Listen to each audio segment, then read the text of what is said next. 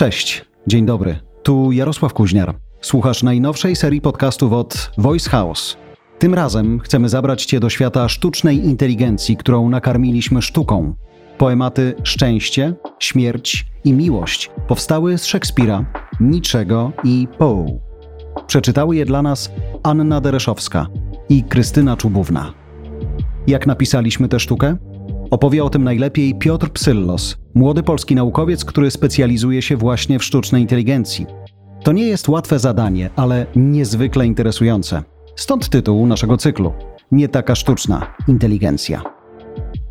Sztuczna inteligencja na święta, właśnie. Mamy coś, co mam nadzieję będzie dla niektórych zaskoczeniem, dla innych rozbawieniem, a dla jeszcze innych przerażeniem, bo ty jesteś akurat z tych, których sztuczna inteligencja raczej pociąga, a nie przeraża, ale zakładam, że jeśli ktoś usłyszy Franka Sinatra, Ella Fitzgerald, albo usłyszy, że Szekspir może pisać w inny sposób niż do tej pory, no to może być przejęty.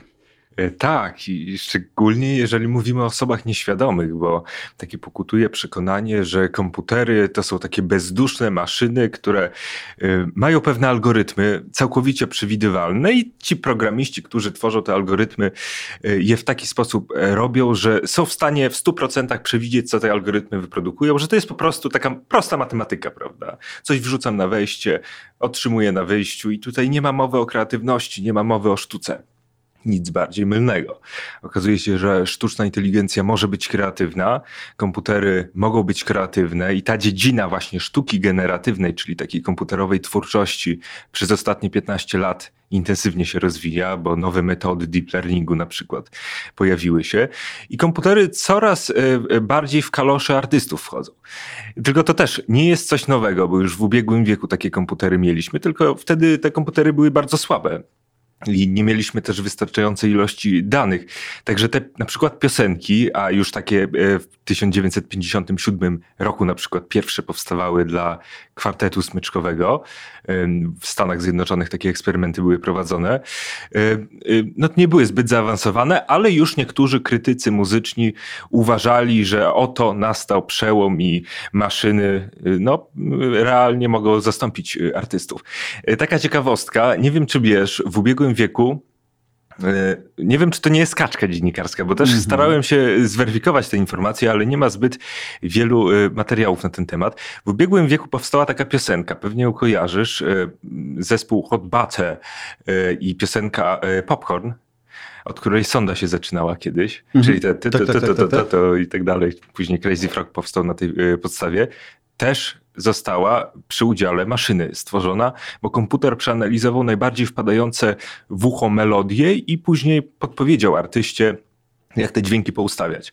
E, także wtedy to się zaczęło. Teraz się rozwija, mamy lepsze komputery, lepsze technologie, no i takie cybergrajki. Myślę, że coraz częściej będzie, będą nam towarzyszyć. I szanowni widzowie, zanim przejdziemy do e, sztuki napisanej przez sztuczną inteligencję, którą nakarmiliśmy Szekspirem, Niczem i Edgarem Allanem Poe, to też usłyszycie i Elle Fitzgerald i mm, e, Franka Sinatra, którzy świątecznie zaśpiewają coś, co, e, co jest ciekawe, ale to w swoim czasie. Natomiast powiedziałeś, że sztuczna inteligencja przygotowała coś, mm, nuty w sensie, twórcy, który wiedział, jak je poskładać. A skąd ona wie, żeby to miało melodię?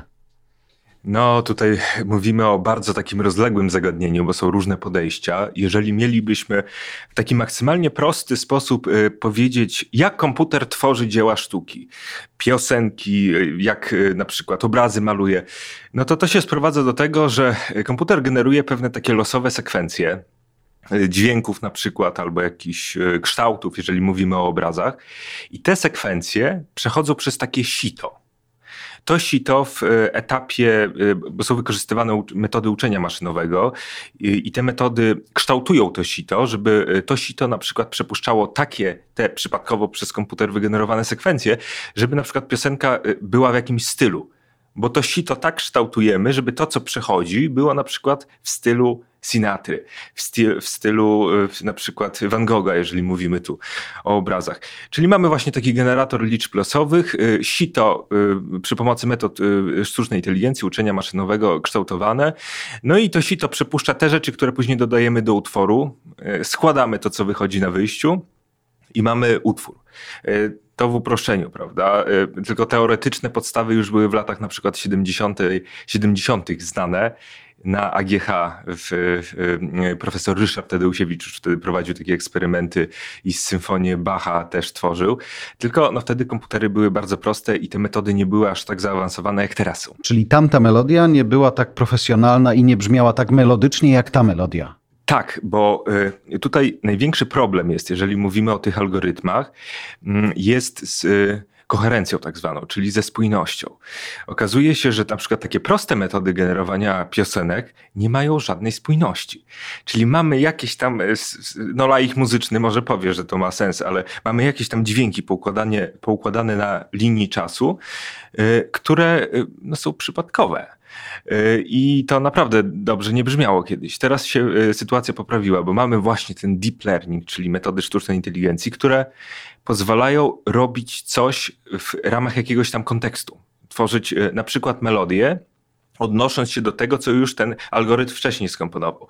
I na przykład te e, e, deep learningowe biblioteki, czy, czy tak zwane transformatory, które przekształcają pewne sekwencje i, i generują na wyjściu, są w stanie tak te układać dźwięki, że one mają, jeżeli przeanalizujemy utwór na przykład 30-sekundowy, jakiś tam związek między sobą, jakiś tam sens. I to nie jest przypadkowa zbiera, zbieranina dźwięków, tak jak to kiedyś było, tylko ta melodia y, realnie ma jakiś sens i może na przykład imitować to, tak jak, tak jak tutaj mieliśmy przykład Sinatry, czyjś styl melodyczny. I to nie jest y, coś, co się zmienia co 5 sekund, prawda? Mówię tutaj o tym stylu, tylko jest ta koherencja, jest ta taka właściwość, że ta sztuczna inteligencja potrafi kontekstowo myśleć, pamięta, co wcześniej skomponowała i w odniesieniu do tego, co wcześniej wytworzyła, jest w stanie dalej komponować. Czyli mamy kontekst Sinatry i w tak. ten kontekst jest łatwiej sztucznej inteligencji coś wpisać. Szanowni widzowie, no to umówmy się, że teraz mamy oficjalną premierę Franka Sinatry na święta, który w swoim świątecznym klimacie, słychać to będzie w dzwoneczkach, w starociach, bo ta muzyka jest pięknie postarzana także, zaśpiewa tekst, który opowiada podobno Voice House. Wsłuchajcie się dobrze, a my za chwilę do Was wracamy.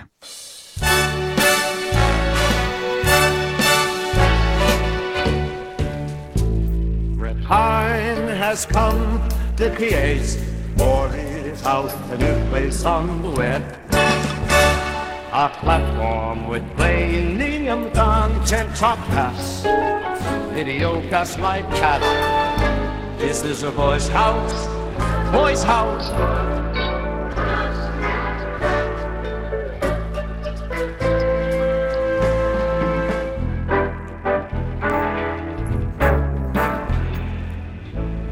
Original project of just what Patnia, uh, who has been actors in the media for several decades.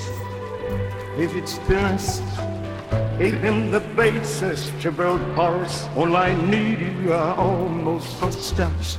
Stars fed the news that leaked straight on the way. A platform for breathing jumping dance. This is a voice house, voice house, voice house.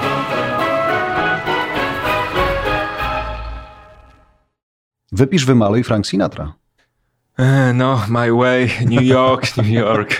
Voice House. No tak, tylko tam słyszę też Elvisa wpływy no tak. prawdopodobnie. Ale właśnie może być tak, że maszyna niby nauczona Sinatry mm, gdzieś liznęła jakichś innych nut, które z automatu tej matematyki jej wpadają też na, na, e, na kodowanie. Tak, tak. To znaczy, jeżeli mówimy o tej bibliotece, którą tutaj wykorzystałem hmm. do komponowania tej piosenki, która się nazywa Jukebox, no to, e, no to nastąpił ogromny przełom, bo mm, ta biblioteka została nauczona na superkomputerze i to kosztowało ileś tam y, tysięcy, set tysięcy dolarów, nauczona ponad miliona różnych piosenek wyprodukowanych przez ludzkość w przeszłości.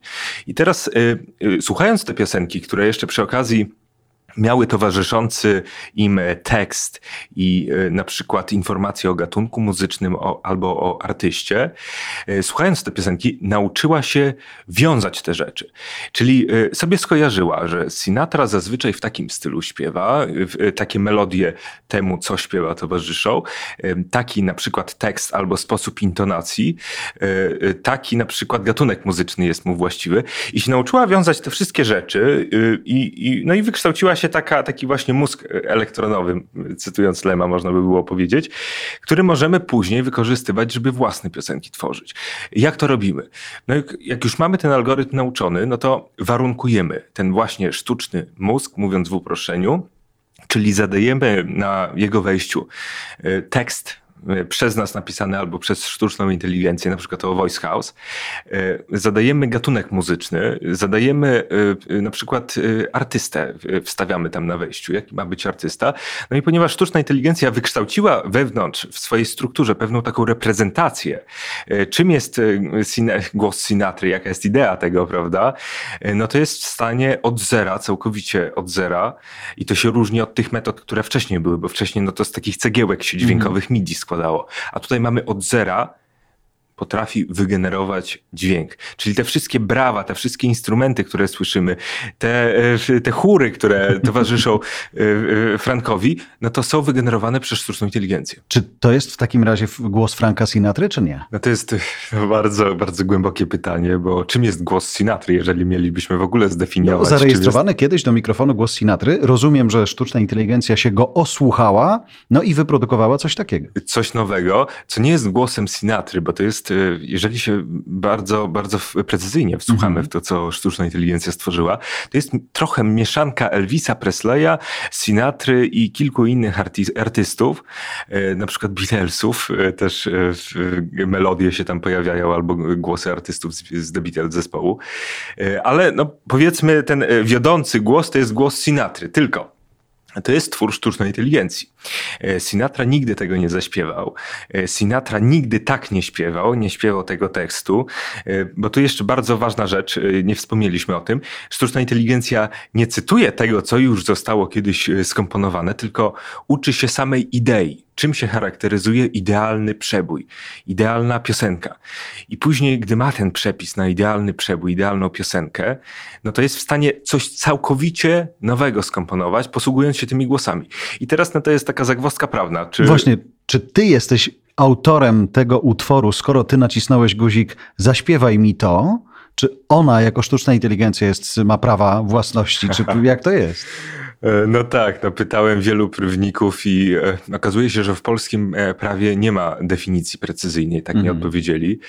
No i tutaj jest wiele wątpliwości, bo z jednej strony no to mamy do czynienia z jakimś tam głosem Sinatry i tutaj spadkobiercy autorskich praw majątkowych mogą się później odezwać i, i, i mogą być różne spory, ale z drugiej strony, jeżeli mielibyśmy określić szczegółowo, prawda, w jakich momentach ten głos jest faktycznie głosem Sinatry, i gdzie tutaj ta jest inspiracja, o której mówimy, albo gdzie tutaj jest jakiś fragment zastrzeżony e, tymi prawami autorskimi, no to tutaj by były e, kłopoty, bo to jest wszystko płynne.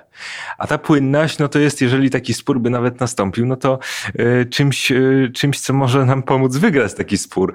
No nie ma definicji precyzyjnej, prawda? No ja sam, mm, jeżeli, bo się zastanawiałem bardzo długo na ten temat, no to mam, mam trudność z odpowiedzią na to pytanie, kto jest autorem, bo ja nie jestem przecież autorem tego. E, ja odpaliłem sztuczną inteligencję, warunkowałem ją. Albo jeżeli mówimy o tych piosenkach, które później puścimy. Ale warunkowałeś, czyli ty jej narzuciłeś pewne ramy. Pewne ramy, okay. tak, tak, tak. E, ta, a ta sztuczna inteligencja, ponieważ ma wiedzę pewną muzyczną, pewien taki e, kapitał muzyczny, który każdy kompozytor też posiada, bo y, zanim y, ktoś skomponuje jakąś symfonię, no to musiał słuchać wcześniej jakichś utworów. Jeżeli by był zamknięty przez całe życie w, w wyciszonym pokoju, no to by nie potrafił komponować utworów muzycznych. Tak samo sztuczna inteligencja musi coś wcześniej przesłuchać, żeby się nauczyć idei melodii i później jest w stanie y, coś komponować inspirować się na przykład jakimiś utworami, ale też ludzie to robią, remiksy na przykład powstają. Czyli nie ma właściciela? E, no ja nie jestem, mi tam słoń na ucho kiedyś nadepnął, e, tak naprawdę to ja nie jestem autorem. Sztuczna inteligencja też nie ma podmiotowości żadnej, nie ma intencjonalności w działaniu na razie, no chyba, że będzie ta kiedyś silna tak zwana sztuczna inteligencja, którą e, Ray Kurzweil przewiduje w 2045 roku i będzie miała świadomość jakoś, prawda, to wtedy będzie mogła się kłócić z nami, że przecież ja, ja to napisałam. Tak, to albo stworzyłem. Przeczytam naszym słuchaczom dwa akapity tylko z naszej korespondencji z Piotrem, a Piotr z kolei był po rozmowie ze swoimi e, prawnikami. Jeden z nich pisze tak, czy odpowiada Piotrowi na zadane pytanie. Nie ma żadnych publikacji czy orzeczeń, które bezpośrednio dotykałyby problemu sztuki tworzonej przez AI. Taka niepewność i brak uregulowania czegoś w prawie rodzi naturalne ryzyka. Próba dopasowania aktualnych przepisów do problemów nowych technologii również obarczona jest ryzykiem. Należy dodać, że ewentualne spory sądy zawsze rozpatrują na podstawie konkretnych sytuacji, czyli stanów faktycznych i to od ich interpretacji zależy ostateczne rozstrzygnięcie. Czyli rozumiem, że tak samo będzie z Ellą Fitzgerald, którą nakarmiłeś yy, maszynę jej dźwiękami i wyszło to, co za chwilę nasi słuchacze usłyszą. Yy, tak, tak. W ogóle z tymi wszystkimi piosenkami, które mają yy, głos, no to jest największy problem problem. I e, w przypadku których e, artystów, w przypadku których e, prawa autorskie nie wygasły, prawda, bo po 70 latach od śmierci to wygasa, należy wtedy do domeny publicznej. I dlatego jak te sztuki na przykład komponowałem przy pomocy tych swoich sieci, no to mogłem korzystać ze Szekspira dzieł albo innych twórców, no bo tutaj praw autorskich to nie jest objęte prawami autorskimi.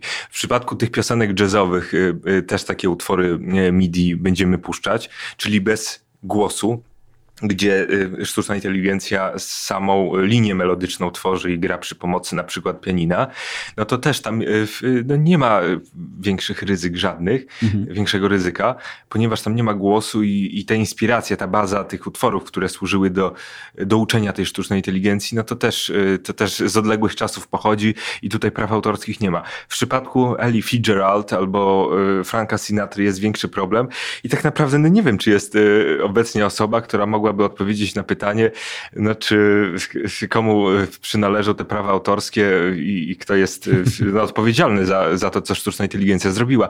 Niektórzy mówią, że to trochę przypomina sytuację tej małpy takiej. Kiedyś były też rozprawy sądowe e, bardzo intensywne. Kiedyś małpa w dżungli amazońskiej zrobiła zdjęcie aparatem, który został przez e, e, pewnego gościa, chyba artystą był zostawiony.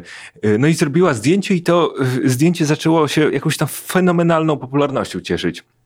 No i ten, y, ten gość y, chciał, y, żeby prawa autorskie do tego zdjęcia mu przynależały. No i mnóstwo rozpraw sądowych się odbyło. Okazało się na koniec, że sąd stwierdził, że to do domeny publicznej należy, ponieważ tego zdjęcia nie wykonała żadna istota rozumna.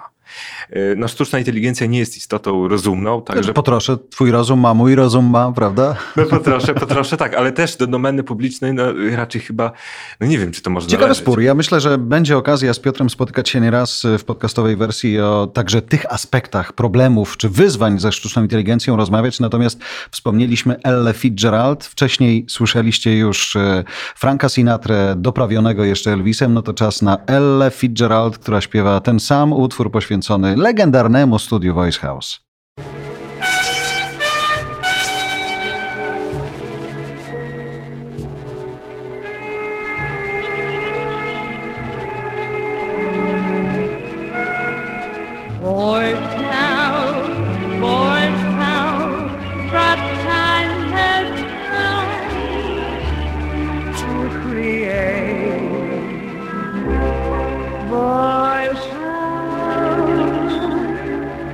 the meat plates on the way.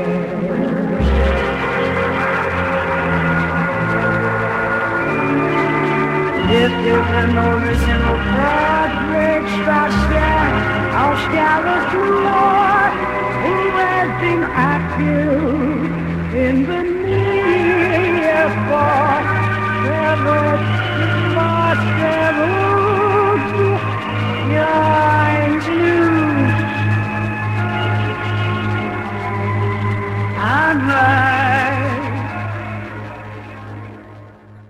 Czy w przypadku Ellie Fitzgerald y, też poza nią samą ktoś jeszcze był? szumy były na przykład, które trochę przypominają e, płyty winylowe stare. Kochana Elwa, Ella, królowa jazzu, e, plus jakiś tam chórek, e, który dośpiewywał i mnóstwo szumów różnych, które wynikają z niedoskonałości sztucznej inteligencji, które same w sobie też pewną jakąś wartość artystyczną posiadają według mnie. No to jest taka, taka konglomerat wszystkiego w sumie. No i przyznasz, że to fajne jest. No brzmi doskonale. Tekst mi się podoba też idealnie. Natomiast... Tekst tutaj sztucznej inteligencji akurat, no moja inteligencja akurat to tworzyła. Nie, nie jestem idealnym tekściarzem, jeszcze dużo do poprawienia tutaj jest, ale też możemy tutaj zaprząc, tylko jest pewne ryzyko, bo nie wiemy, co ta sztuczna inteligencja na wyjściu wyprodukuje. No I kiedyś miałem takie próby właśnie ze sztuczną inteligencją, która teksty różne pisała i takie głupoty na wyjściu potrafiła wyprodukować y, z wulgaryzmami włącznie. Y, no to nie jest, do, chyba że po 22 będziemy mogli hmm. zacytować, ale to nie jest do zacytowania. To prawda. Natomiast Piotr wspominał o tym, że będzie okazja posłuchać także dźwięków systemu MIDI i w momencie, w którym nasza audycja się skończy i będziecie, szanowni słuchacze, mieli okazję posłuchać tego, co sztuczna inteligencja napisała w kontekście śmierci, w kontekście e, szczęścia i w kontekście miłości, tam te dźwięki MIDI umieścimy. Przechodząc teraz właśnie do tekstów. Czym nakarmiłeś sztuczną inteligencję, żeby napisała nam to, co napisała?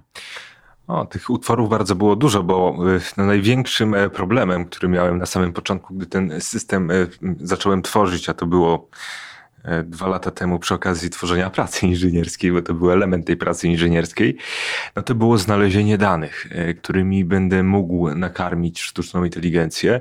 No i zacząłem właśnie od Szekspira, bo to jest taki dataset, czyli baza danych, która jest naj, najczęściej wykorzystywana i najbardziej popularna i tutaj nie ma problemu z prawami autorskimi zbytniego. E, także mm, odgrzebałem różne teksty Szekspira i starałem się, e, bo e, chciałem monologi wygenerować, starałem się no, znaleźć przede wszystkim te monologi, które on wcześniej skomponował i powyciągać ze sztuk teatralnych takie fragmenty, które są w miarę spójne, no i które nie są częścią jakiegoś dzieła, gdzie jest dyskusja pomiędzy bohaterami.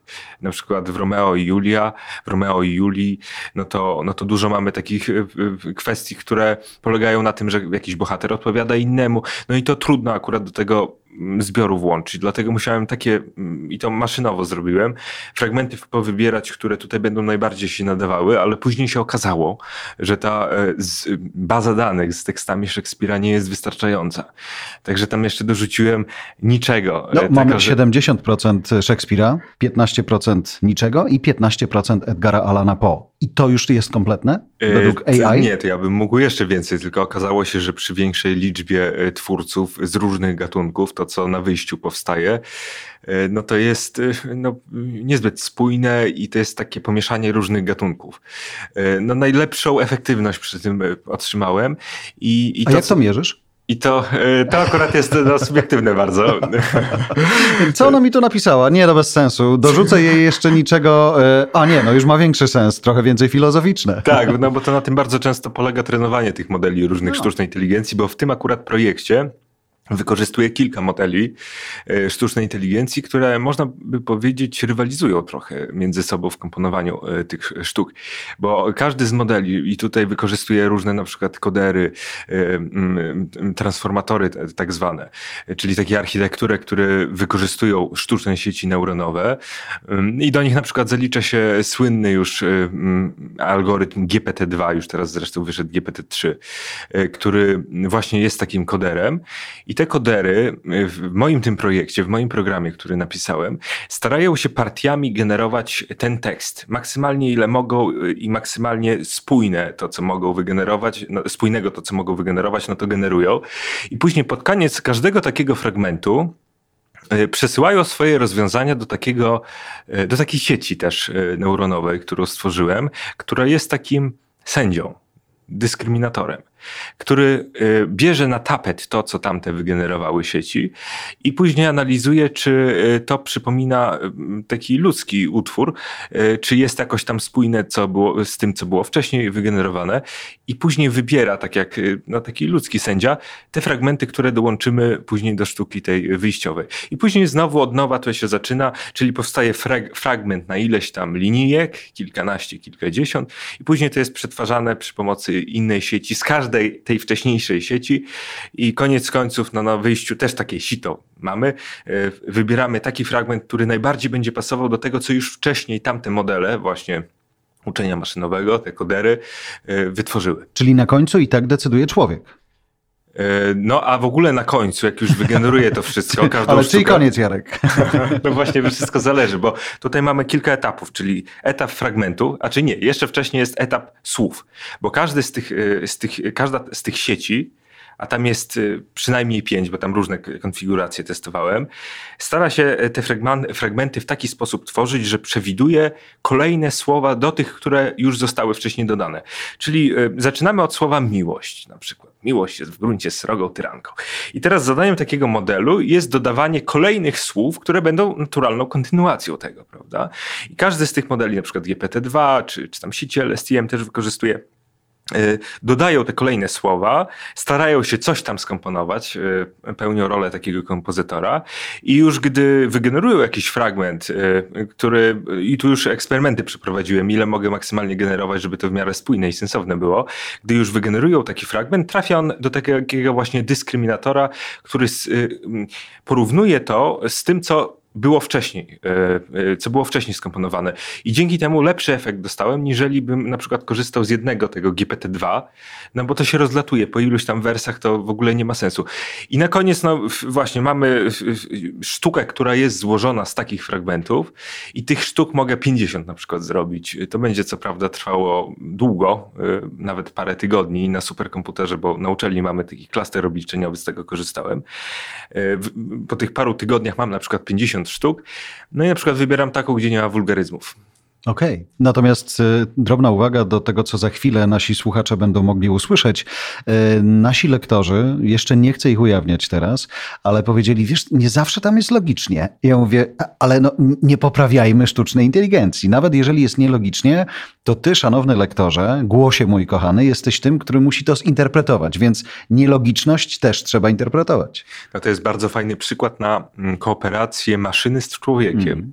Mm. No i to jest myślę, że przyszłością sztuki, bo sztuka e, będzie coraz częściej e, powstawała z udziałem komputerów. Już teraz przecież artyści, którzy na przykład tworzą melodie, to korzystają też z metod sztucznej inteligencji, żeby na przykład przeanalizować, co się tam kiedyś sprawdzało, jakie piosenki stały się hitami i y, zrobić coś bardzo podobnego, dlatego to, co teraz w radiu słyszymy, no to jest bardzo podobne bardzo do siebie. Podobne, tak. Taka papka, prawda, która się niczym Choć, od siebie a propos nie radia, drobna dygresja. Pamiętam kiedyś, jeszcze pracując w Radiu Z, była taka maszyna, która właśnie potrafiła łączyć, żeby to melodycznie pasowało do siebie. Czyli nie człowiek wybierał, że jak się skończy King Crimson, a w Radiu Z King Crimson, dobra, jak się skończy The Police na przykład, to zagrajmy Stinga, bo to ładnie się będzie łączyło. Nie, to siedziała maszyna i maszyna to składała i wtedy wtedy to było mega osiągnięcie, że ona coś tam programuje i nagle się okazywało, że Shakira co dwie godziny wpada na nowo albo, e, albo jeszcze inaczej jest karmiona. Mało tego, to było podpięte oczywiście do badań słuchaczy,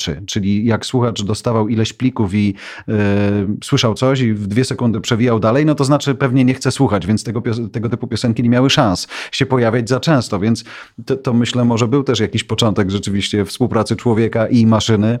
Tak, tylko że nie było kreatywne za no nie, bardzo, w ogóle. żeby młody Beksiński usłyszał, że który na przykład ze swoich audycji pewną sztukę e, no tak. tworzył, bo i pisał Tam był rzeczywiście tekst. i głos i muzyka cudowna. E, tak. tak, tak, tak. I układał odpowiednią mm. melodię w nawiązaniu do tekstu, do tych felietonów muzycznych, które tworzył. No, sztuczna inteligencja nawet najlepsza nie jest w stanie jeszcze tego robić, a nawet jeżeli będzie w przyszłości robiła, czy będziemy wybierali audycje ludzkie, na przykład takiego przyszłego Beksińskiego, czy audycję sztucznej inteligencji? Z kim będziemy się utożsamiali? No to jest pytanie. Choć teraz jak słucham cię, kiedy opowiadasz o muzyce, jak ona powstawała i o tych tekstach, o tych monologach, które powstały także, mm, to mm, zaskoczył mnie ten moment, w którym mówisz, że mm, z jednej maszyny coś wyszło, ale czułeś, że to jeszcze nie jest doszlifowane, że tak naprawdę szlifowałeś tą sztuczną inteligencję, czy efekt jej pracy? Na meta takim poziomie, już tym ostatnim, bo na przykład e, miałem e, sztukę, która z wielu wulgaryzmów się składała. Nie wiem skąd one się pojawiły, być może stąd, że te modele, na przykład GPT-2 językowe, no to też uczyły się na podstawie mnóstwa e, informacji z internetu. Te informacje pochodziły i się trenowały. Samo wytrenowanie takiego modelu modelu. To kosztowało około 150 tysięcy złotych. Na superkomputerze to trwało. E, ja później to warunkuję, e, czyli ograniczam percepcję tej y, sztucznej inteligencji, żeby się skupiła na Szekspirze tylko. Tylko ona oczywiście nie jest taka pokorna i nie słucha się mnie w każdym przypadku i czasami... Jeszcze. Jeszcze, tak. To jest no, pierwszy przejaw y, buntu maszyn. Terminator. Y, Skynet się rodzi. I, I na przykład wulgaryzmami rzucaj, prawda? No i to nie wiem, czy taką chciałbyś mieć audycję, nie. gdzie co drugie słowo... No Myślę, to... że przyjdzie moment na to, żebyś ty w swojej części pokazał rzeczywiście, że, że ona potrafi robić też takie rzeczy, ale nawet zobacz ten moment, moment, w którym mówisz, y, ograniczałem ją jakoś. Ja rozumiem powód. Natomiast czy to oznacza, że ona właściwie ma nieskończone możliwości, tak? E, są skończone, bo jesteśmy mm, mm, ograniczeni przez dane, które wrzucamy do niej, jesteśmy ograniczeni przez sprzęt, bo moglibyśmy tak naprawdę trenować ją na zasobach y, no, biblioteki całej aleksandryjskiej, internetu, w ogóle wszystkiego, tylko żeby to wytrenować, na przykład ostatni GPT-3 model, no to y, był trenowany na bazie mnóstwa różnych, wielu różnych informacji z internetu pochodzących i samo wytrenowanie tego modelu ponad 4 miliony dolarów kosztowało. Czyli na to mogą pozwolić sobie duże korporacje, duże, duże koncerny i też są nadal ograniczone tym czasem, który mogą poświęcić na trenowanie tego i sprzętem, prawda? E, I też e, metodami pozyskiwania tych danych. Także jesteśmy ograniczeni, ale też człowiek no, też jest ograniczony. No, każdy artysta chciałby więcej wiedzieć, chciałby e, mieć więcej w głowie tych takich wzorców, bo zauważ, że wszystko, co robimy, mówię tutaj o uczeniu się, o pracy naszego mózgu, to służy do tego, żeby tworzyć pewne algorytmy w mózgu, pewne wzorce rozwiązań. Te algorytmy później w te, naszym mózgu się wykształcają, bo przeczytaliśmy wiele różnych książek, na przykład posłuchaliśmy wiele różnych piosenek i później te algorytmy wykorzystujemy do tego, żeby tworzyć na przykład sztukę, jakieś tam dzieła. E, czyli no, działamy trochę, znaczy sztuczna inteligencja działa trochę tak, jak człowiek działa. Czyli jestem umownie, przepraszam Pani Olgo za, za ten przykład, ale jestem Olgą Tokarczuk, która idzie przez świat, czyta, czyta, czyta, więc naturalnie to się gdzieś odkłada, odkłada, odkłada. Dlatego potem, kiedy ona siada do własnego pisania, siłą rzeczy jej mózg podrzuca pewne sformułowania, skojarzenia, tak. emocje. Tak, tak, tak. I, I, często no, ze swojej praktyki na przykład dziennikarskiej, radiowej, mm. no to możesz zauważyć, że e, z, z latami prawda, pracy w tym zawodzie, no to słowa no same, e, że tak powiem, pojawiają się, prawda? Nie trzeba się mm. zastanawiać, bo już pewne wzorce takich rozwiązań w mózgu się wykształciły, pewne ścieżki neuronalne. E, no i wtedy na przykład możesz improwizować.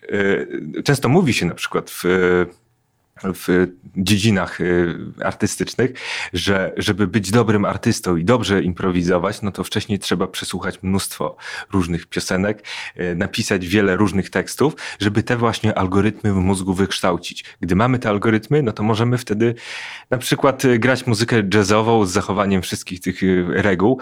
Laik tego nie zrobi, który nigdy jazzu się nie uczył, który zna tylko teorię, teorię taką z książki, prawda? Bo to też te algorytmy się kształtują w y, czasie praktycznych ćwiczeń. Y, czyli jesteśmy taką siecią neuronalną trochę. Nasz mózg y, pewne takie algorytmy tworzy. No i tę sztukę też odbiera, tylko nie zapominajmy, że mózg nie służy do myślenia, tylko mózg służy do przeżycia i widocznie sztuka coś takiego robi z naszym mózgiem, że e, ten mózg jakoś na przykład stymuluje do tego, żeby lepiej pracował i e, ponieważ myślenie pomaga w przeżyciu szalenie, jak się okazuje czasami, no to, no to może pomagać, bo to jest bardzo ciekawe pytanie. Skąd się w ogóle wzięła nasza percepcja sztuki? Dlaczego nam się sztuka podoba? Co sprawia, że ta sztuka nam się podoba? Dlaczego? Bo na przykład zwierzętom, no mojemu na przykład kotowi. Kotu? O, właśnie. Widzisz, in, sztuczna inteligencja powiedziałaby na pewno poprawnie. To, to jeszcze raz. Nie wycinajmy tego, wycinajmy, nie, niech będzie, że Psyllos nie zna się na gramatyce. Dobrze, Bez sztucznej inteligencji nie daje rady. No, sztuczna inteligencja jest y, lepsza niż naturalna głupota, jak to mówią. Mojemu kotu? Kotu, no tak. Y, właśnie kotu? Y, psu, psu też. Psu też, tak. No właśnie. To jest polska język. Spodobałyby się inne obrazy niż tobie, tak? Polska język, trudny język. To jeszcze raz. Przykładowo mój pies, no to nie ma żadnych wrażeń estetycznych ze słuchania tych piosenek, które skomponowałem. I to jest bardzo takie no, ważne pytanie, jak nasz mózg odbiera sztukę, bo gdy to poznamy, to te algorytmy będą jeszcze lepsze. Jeżeli prześwietlimy nasz mózg i dowiemy się, i to kognitywistyka tym się zajmuje też, dowiemy się, e, na czym polega ta percepcja sztuki. Co, e, jakie kombinacje e, melodii, jakie kombinacje barw, które widzimy, sprawiają, że nas, nasz mózg coś lubi albo czegoś nie lubi. I to też rodzi kolejne zastosowania tych przyszłych metod, bo wyobraźmy sobie, że będą takie interfejsy człowiek-maszyna, mózg-komputer. Przy pomocy tych interfejsów artyści będą mogli połączyć się z komputerem i wtedy będą mogli bezpośrednio rejestrować treść swoich myśli. Czyli e, te melodie, które się rodzą w ich głowie, będą mogły być zapisywane przez komputer mm, i, i później odtwarzane. I nie będzie tego etapu pośredniego, bo często niektórzy mają problem z, z przełożeniem tego na papier, co słyszą w swoich myślach, w cudzysłowie. E, a tutaj nie byłoby takiego problemu, bo mielibyśmy połączenie bezpośrednio z mózgiem i, i treść naszych myśli by była przekładana na melodie, na słowa, na obrazy. No, tym Beksiński stary y, tym razem y, kiedyś też wspominał i, y, no i w kontekście melodii w swoich listach o tym, o tym pisał on uważał w ogóle, że jeżeli chodzi o sztukę, no to, no to muzyka jest prawdziwą sztuką, a nie, a nie malowanie. O, jeszcze jedną rzecz na koniec chciałem cię zapytać. Wspomniałeś o tym, że gdybyśmy ewentualnie dołożyli maszynie jeszcze więcej rzeczy, to ona by dłużej tworzyła to, co tworzyła. Nasi słuchacze za moment, y, bo zakładam, że najpierw słuchacie tego, co teraz mówimy, a potem przechodzicie do śmierci, miłości i szczęścia, tych monodramów przygotowanych przez sztuczną inteligencję. Mm, Właśnie od czego zależy, jak szybko ona pracuje, czy jak szybko ona tworzy, przepraszam cię, sztuczna inteligencja, że tylko powiedziałem o pracy, to jest przecież tworzenie. Jaki to jest czas, czego potrzeba, żeby to przyspieszyć albo, albo wydłużyć? E, no, od wielu czynników zależy mm, to, w e, jakim czasie e, to dzieło powstanie. Od budowy na przykład sztucznej inteligencji, od architektury, ile warstw tej głębokiej sieci wykorzystamy, ile danych na wejście będziemy chcieli wrzucić, ile razy będziemy te dane chcieli pokazać sztucznej inteligencji, bo tutaj sztuczna inteligencja no, pełni rolę takiego dziecka trochę, takiej tabula razy trochę niezapisanej karty, której pokazujemy właśnie te na przykład melodie i ona y, uczy się tego. Im więcej razy i pokazujemy to i bardziej różnorodny zbiór tych piosenek, no to tym lepiej y, się nauczy. Informatycy powiedzieliby, że lepiej będzie aproksymowała funkcję, czyli nauczy się właśnie idei, melodii, idei, idealnego obrazu. E, dlatego to zależy od architektury, od danych, od tego, jak będziemy chcieli uczyć też sztuczną inteligencję i od tego, na czym uczymy, bo no, sztuczna inteligencja jest pewnym algorytmem, pewnym programem, na razie, bo też y, już teraz widać inny kierunek, idziemy w stronę sprzętu, który będzie y, miał sztuczną inteligencję zaimplementowaną, czyli takich y, neuropodobnych architektur, ale za tym może, o tym może zaraz. Na razie ta sztuczna inteligencja jest w formie programu. Ten program na czymś musimy uruchomić moglibyśmy to uruchomić na komputerze wodnym. To wtedy by lata świetne. Ale to zależy właśnie od tego, że jak będziemy mieli, nie wiem, komputery kwantowe, to będzie sztuczna inteligencja jeszcze bardziej inteligentna, a te, które mamy dzisiaj więcej nie potrafią niż ona już potrafi? To znaczy to, co mamy dzisiaj, no to jeszcze ostatnie soki możemy z tego wycisnąć, mm. bo rozbudowujemy te komputery, e, informacje są w, w równoległy sposób przetwarzane, dokładamy karty graficzne, chmury obliczeniowe mm. są potężne. Dzisiaj możemy sobie z domu połączyć się z taką chmurą trochę zapłacimy, ale, ale to, czym dysponujemy w ten e, właśnie sposób się łącząc, e, jest czymś bardzo szybkim, jeżeli wybieram, wybieramy taką opcję. I na tym szybkim czymś sztuczna inteligencja szybciej się na, nauczy czegoś niż na przykład na moim komputerze domowym, który jest bardzo ograniczony. No możemy iść w bardziej rozbudowany sprzęt, w szybszy sprzęt, ale też możemy trochę zmienić paradygmat i na przykład przejść na komputery kwantowe.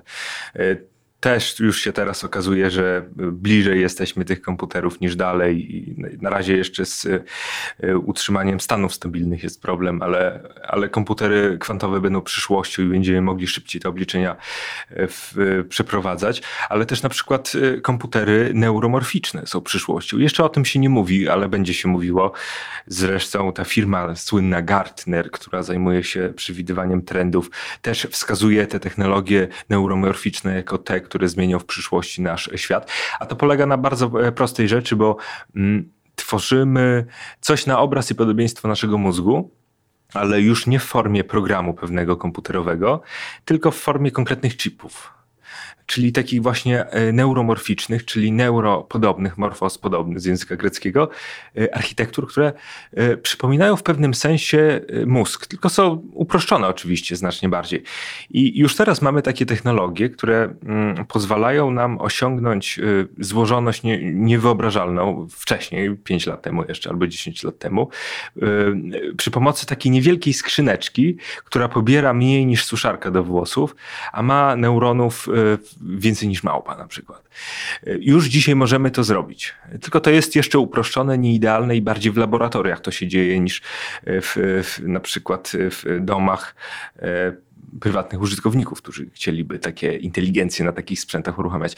Ale to jest przyszłość. Idziemy w tym kierunku. Już zresztą w pierwsze takie chipy w naszych smartfonach się pojawiają, tylko są jeszcze na razie proste. W przyszłości to będzie bardziej zaawansowane i wtedy to dopiero możliwości sztucznej inteligencji przed nami się ukażą i to takiej e, sztucznej inteligencji, która będzie 10 razy, a nawet i 100 razy bardziej zaawansowana niż najlepsza sztuczna inteligencja, która obecnie jest. I tutaj mówię o perspektywie dziesięcioletniej. E, co będzie za lat 30, 40, no to nikt nie wie. Są futurolodzy tacy jak Ray Kurzweil, którzy mówią, że w 2045 roku nastanie osobliwość technologiczna, czyli silna tak zwana sztuczna inteligencja, inna od tej, którą teraz mamy, bo my mamy teraz słabą, czyli taką, która się sprawdza w jakichś tak wąskich zastosowaniach. Ta silna będzie odróżniała się od tamtej, bo ona będzie na poziomie ludzkim. A nawet w pewnym momencie e, przerośnie poziom ludzki, e, i, e, i to jest właśnie ten moment osobliwości, który być może w tym 2045 roku nastanie i wtedy to dopiero będzie się działo, jeżeli mówimy tutaj o sztuce i o w ogóle twórczości człowieka. Mamy 2020 rok, szczęśliwie go żegnamy, licząc oczywiście, że 2021 będzie lepszy, więc to, co wspólnie z Piotrem Psyllosem przygotowaliśmy, to sztuka, AI na święta od Voice House. Y, szczęście, śmierć i miłość. Wszystko, co dotyczy tego projektu, czyli napisanie tej sztuki, to jest AI. Muzyki, którą słyszeliście w naszej rozmowie, to jest AI. Plakatów, grafik do tego wszystkiego to jest AI, ale stoi za tym człowiek Piotr Psyllos. Chciałbym, żebyśmy jednak zostawili sobie moment, w którym poznajecie Piotra i jego drogę do takiego, a nie innego zafascynowania sztuczną inteligencją, bo wierzę, że w nowym roku będziemy mieli szansę, żebyście mogli specjalnych audycji Piotra posłuchać. A teraz idźcie i słuchajcie o miłości, o szczęściu i o śmierci od sztucznej inteligencji. Dobrych świąt. Niech moc sztucznej inteligencji będzie z Wami. Dziękuję za Twoją uwagę. Oceń tę naszą rozmowę. Co o niej sądzisz? Zasubskrybuj podcasty od Voice House. Znajdziesz je na każdej platformie podcastowej, w każdym kanale social mediowym. Zapraszamy także na stronę Voice House CEO po więcej dobrej treści.